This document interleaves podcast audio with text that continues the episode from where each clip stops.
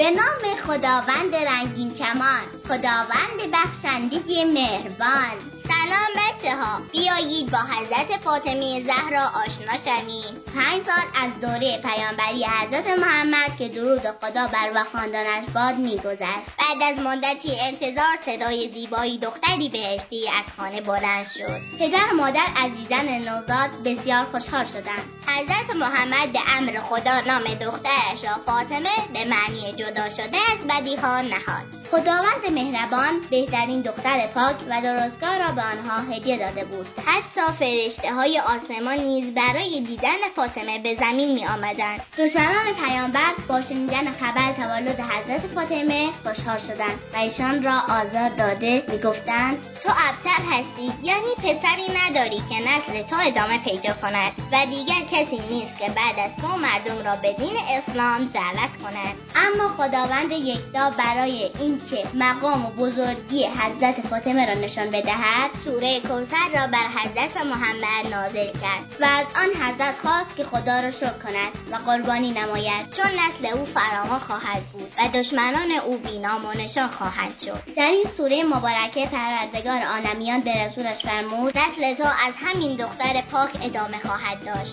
پیامبر هم راضی به امر خداوند بود و دخترش را بسیار دوست داشت. همیشه او را در آغوش می گرفت و میبوسید و می‌گفت فاطمه بوی بهشت می‌دهد. حضرت فاطمه چهره نورانی داشت. و برای پدر و مادرش دختری خوب و مهربان بود. در کودکی مادر عزیزش خدیجه فداکار را از دست داد. خدیجه همیشه یاور و غمخوار پیامبر بود. وقتی مردم بتپرست رسول خدا را اذیت و آزار می‌دادند او با روی خوش به آن حضرت امیدواری می‌داد. اما بعد از خدیجه تنها یاور و همراه پیامبر حضرت فاطمه بود. وقتی بتپرستان نادار در کوچه و بازار به سوی حضرت محمد سنگ پرتاب می‌کردند و به روی مبارک ایشان خاک میریختند. فاطمه با ناراحتی در حالی که اشک در چشمان نازنینش جمع می‌شد سر و روی پدر را پاک و مثل یک مادر از ایشان نگهداری می‌کرد. از این رو رسول اکرم همیشه به دخترش میفرمود ام ابیها. یعنی فاطمه جان تو مثل مادرم هستی.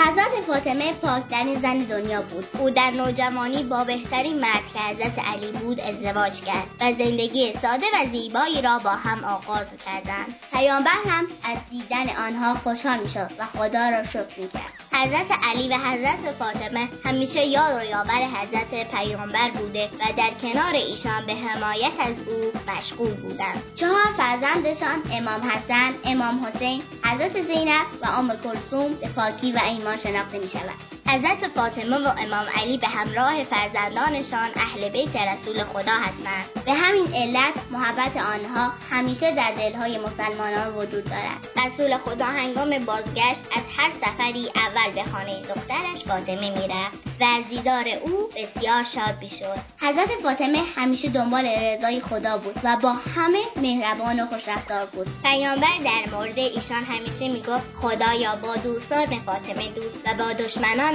دشمن باش. حضرت فاطمه بعد از درگذشت درناک پدر مهربانش رسول خدا خیلی مصیبت ها دید و چند ماه بعد در اثر آن در جوانی از دنیا رفت. حضرت محمد همیشه میفرمود فاطمه پاره وجود من است. هر کس او را ناراحت کند مرا ناراحت کرده است. و هر کسی که او را شاد کند مرا شادمان کرده است. همه مسلمانان حضرت فاطمه زهرا را دوست دارند و برایش درود میفرستند.